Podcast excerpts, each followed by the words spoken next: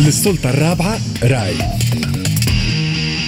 في فقرتنا للسلطة الرابعة راي معنا مباشرة عبر الهاتف الصحفي سميح الباجي مرحبا بك سميح. مرحبا أهلا بك وأهلا بكافة المستمعين.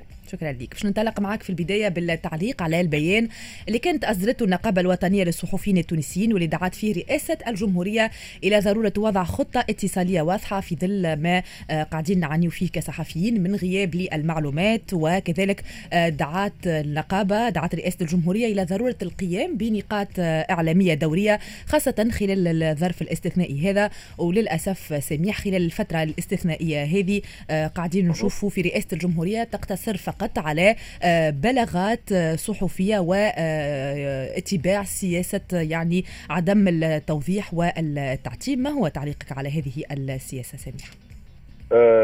بيان نقابة الصحفيين يجي ترجمة لحالة القلق والخوف اللي تعيشوا النقابة ونعيشوا الكل كصحفيين تجاه السياسة الاتصالية بتاع رئاسة الجمهورية سياسة اتصالية حقيقة ما هيش غريبة على مؤسسة الرئاسة تقريبا منذ وصول رئيس قيس سعيد للحكم ثم سياسة يعتمد فقط يعني تحولت صفحة صفحة رسمية لرئاسة الجمهورية على موقع الفيسبوك هي الوسيلة الاتصالية الوحيدة هي الوسيلة الوحيدة اللي ينجم يلجأ لها الصحافي باش باش يتابع نشاطات الرئاسة.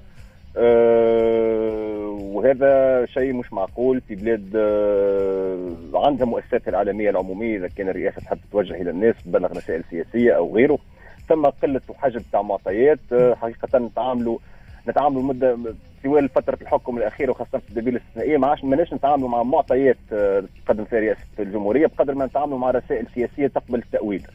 آه، وهو اللي هو اللي اشاع الجو نتاع الخوف القلق الغموض آه، تضارب الرؤى والآراء وهو أمر مقلق. اضافه إضافة لحل تصاعد العنف العنف ضد الصحفيين سواء عنف آه، جسدي. كما تعرضوا له بعض الزملاء وبعض النشطاء الحقوقيين في أول سبتمبر كما تذكروا. أو العنف آه، المعنوي من حملات تشهير هتك أعراض تنمر. يتعرضوا لها زملاء الصحفيين في مواقع التواصل الاجتماعي من قبل ما يسمى بأنصار رئيس آه، قيس سعيد. سميح الأمين العام لحزب التيار الديمقراطي غازي الشاوشي كان آكد اليوم خلال تصريحات إعلامية ليه إنه إجراء الاستشارة الحدودية أصبحت مسألة يعاني منها النواب وكذلك السياسيين وحتى رجال الأعمال وعائلتهم وإنه الإجراء هذا تعسفي ويمس من الحقوق والحريات. وكذلك اليوم أيضا مجلس الأعمال التونسي الإفريقي أصدر بيان ندد فيه بالإهانة اللي قاعدة تصير اليوم قاعد يتعرض لها عدد من رجال الأعمال في المطار. ما هو تعليقك سميح على هذه الإجراءات الجديدة اللي انطلق العمل بها منذ آه، إعلان رئيس الجمهورية عن الإجراءات الاستثنائية يوم 25 جويلية؟ أه والله العظيم واحد كان نجم يتفهم لو الإجراءات هذه دامت 24 ساعة 48 ساعة من اتخاذ التدابير الاستثنائية أما لمدة شهرين توا تقريبا منذ آه، منذ 25 جويلية وما سماش قائمه محدده بناس عندهم شبهات أو متورطين في فساد أو أو غيره من القضايا. وتم الطريقة بشكل اعتباطي واحد يمشي للمطار يعني رجل أعمال ولا حتى إعلامي ولا غيره يمشي للمطار ما يعرفش على روحه مش في الطيارة ولا ومش تعطل المسار هو ولا آه أمر غير صار غير مقبول ابدا. آه إذا كان ثم ناس عندهم شبهات وعندهم آه ثم قرارات بمنعهم بالسفر وإحالتهم العدالة خرجوا القائمة أعلموا الناس. سينو حريه التنقل حق دستوري آه، ما يلزمش المس به وتوا شهرين معناها عايشين هكا شهرين عايشين هكا لا ثم لا ثم قوائم نهائية لا ثم تقدم في في في في مجال هذا بتاع مكافحة الفساد أو أو بدء الحرب ضد أسماء وقضايا معينة. مجرد شعارات الناس الكل عبارة على عقاب جماعي إلى متى سيستمر ما ثماش إجابة. أي.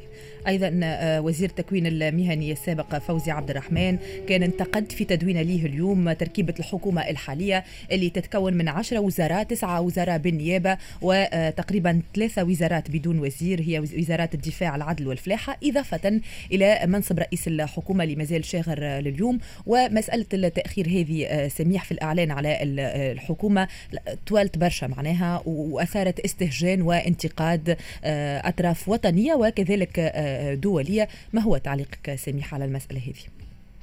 الإطالة والتمطيط هذا في في في تشكيل في تعيين رئيس حكومة وتشكيل فريق حكومي قار أمر مقلق جدا لأنه يعني أول حاجة يفتح الباب أمام حالة من الضبابية والخوف عند عند الأطراف الداخلية عند الفاعلين الداخليين من أحزاب سياسية ومنظمات ومستثمرين وغيره وخارجيا أيضا ماكش تعايش في جزيرة معزولة ثم هيئات مالية دولية ثم دول ثم حكومات تحب تتعامل مع آه، كيان سياسي مستقر وواضح. آه، طالت برشا طالت برشا وصحيح آه، تعدات 25 جويلية جمعة اثنين الناس فاقت من التخميرة والبلاد واقفة ويلزم إنهاء المسألة هذه ووضع حد للوضعية الشاذة هذه في أقرب وقت. واضح واضح. شكرا لك الصحفي سميح الباجي. آه، كانت هذه اذا فقرتنا للسلطة الرابعة راي شوي آخر. باش يكون معنا في ال interview باش يكون معنا القيادي السابق في حركة النهضة عبد الحميد شلاس